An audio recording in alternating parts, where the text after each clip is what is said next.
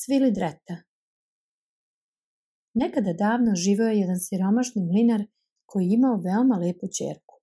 Jednog dana je rekao kralju da njegova čerka može jako dobro da prede, pa čak i da napravi zlato od slame. Pošto je kralj veoma volao zlato, brzo je poslao po lepu vodeničarevu kćer. Odvojio je u sobu punu slame i dao joj je kolovrat sa kalemovima. A onda je rekao, idi na posao i prepredi svu ovu slamu u zlato. Ako ne uspeš, umrećeš. Soba je bila zatvorena i ona je ostala sama. Čerka jadnog vodeničara bila je u očaju. Kako je mogla da isprede zlato iz slame? Počela je glasno da plače. Odjednom su se vrata otvorila i ušao je neki mali čovek. Rekao je, dobroveče. Zašto tako jako plačeš? O, reče devojka, moram da ispredem zlato od slame, a ja to ne mogu. Onda je mali čovek rekao, šta ćeš mi dati ako to uradim? Svoju ogrlicu, reče devojka.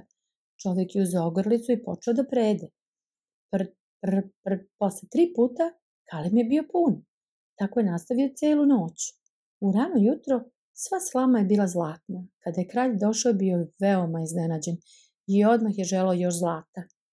Odvoje mlinarevu čerku u veću prostoriju punu bala slame. Morala je sve to da pretvori u zlato za jednu noć ako je želala da ostane živa. Devojka je glasno plakala. Ponovo se pojavio mali čovek.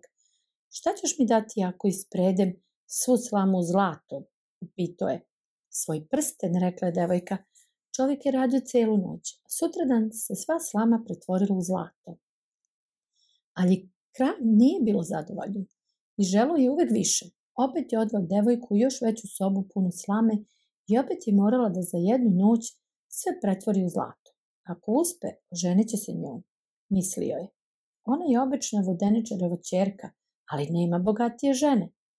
Devojka je ponovo bila očajna, ali se ponovo pojavio mali čovek. Šta ćeš mi dati ako i ovu slamu pretvorim u zlato, upito je. Zaista mi više ništa nije ostalo, rekla devojka. Zato je morala da obeća da će mu dati svoje prvo dete kada postane kraljica. Devojka je pomislila, vidjet ću posle šta ću. I obećala je. Onda je mali čovek još jednom ispreo svu slamu zlato. Ujutru dođe kralj i veoma se obradova. Oženio se vodeničarovom čerkom i tako je ona postala prava kraljica. Posle godinu dana dobili su prelepu bebu.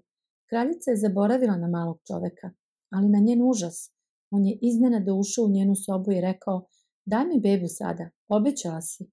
Kraljica mu je ponudila sve svoje blago, samo da ne može, samo da može da zadrži svoju bebu. Ali mali čovjek je želo dete. Kraljica je toliko plakala da se mali čovjek sažalio. Rekao je, ako pogodiš moje ime u roku tri dana, možeš zadržati svoje dete. Kraljica je duboko razmišljala tokom noći i čak je poslala glasinka širom zemlje da prikupi imena.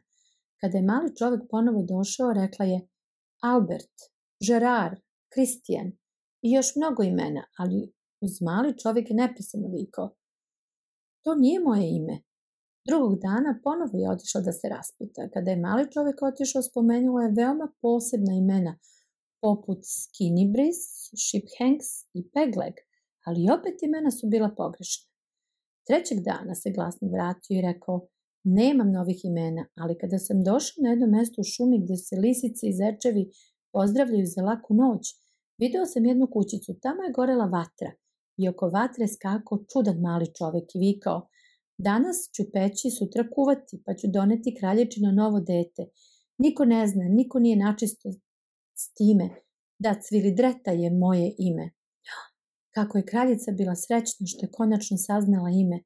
Kada se mali čovek vratio, prvo ga je upitala, da li se zoveš Gis ili Gert?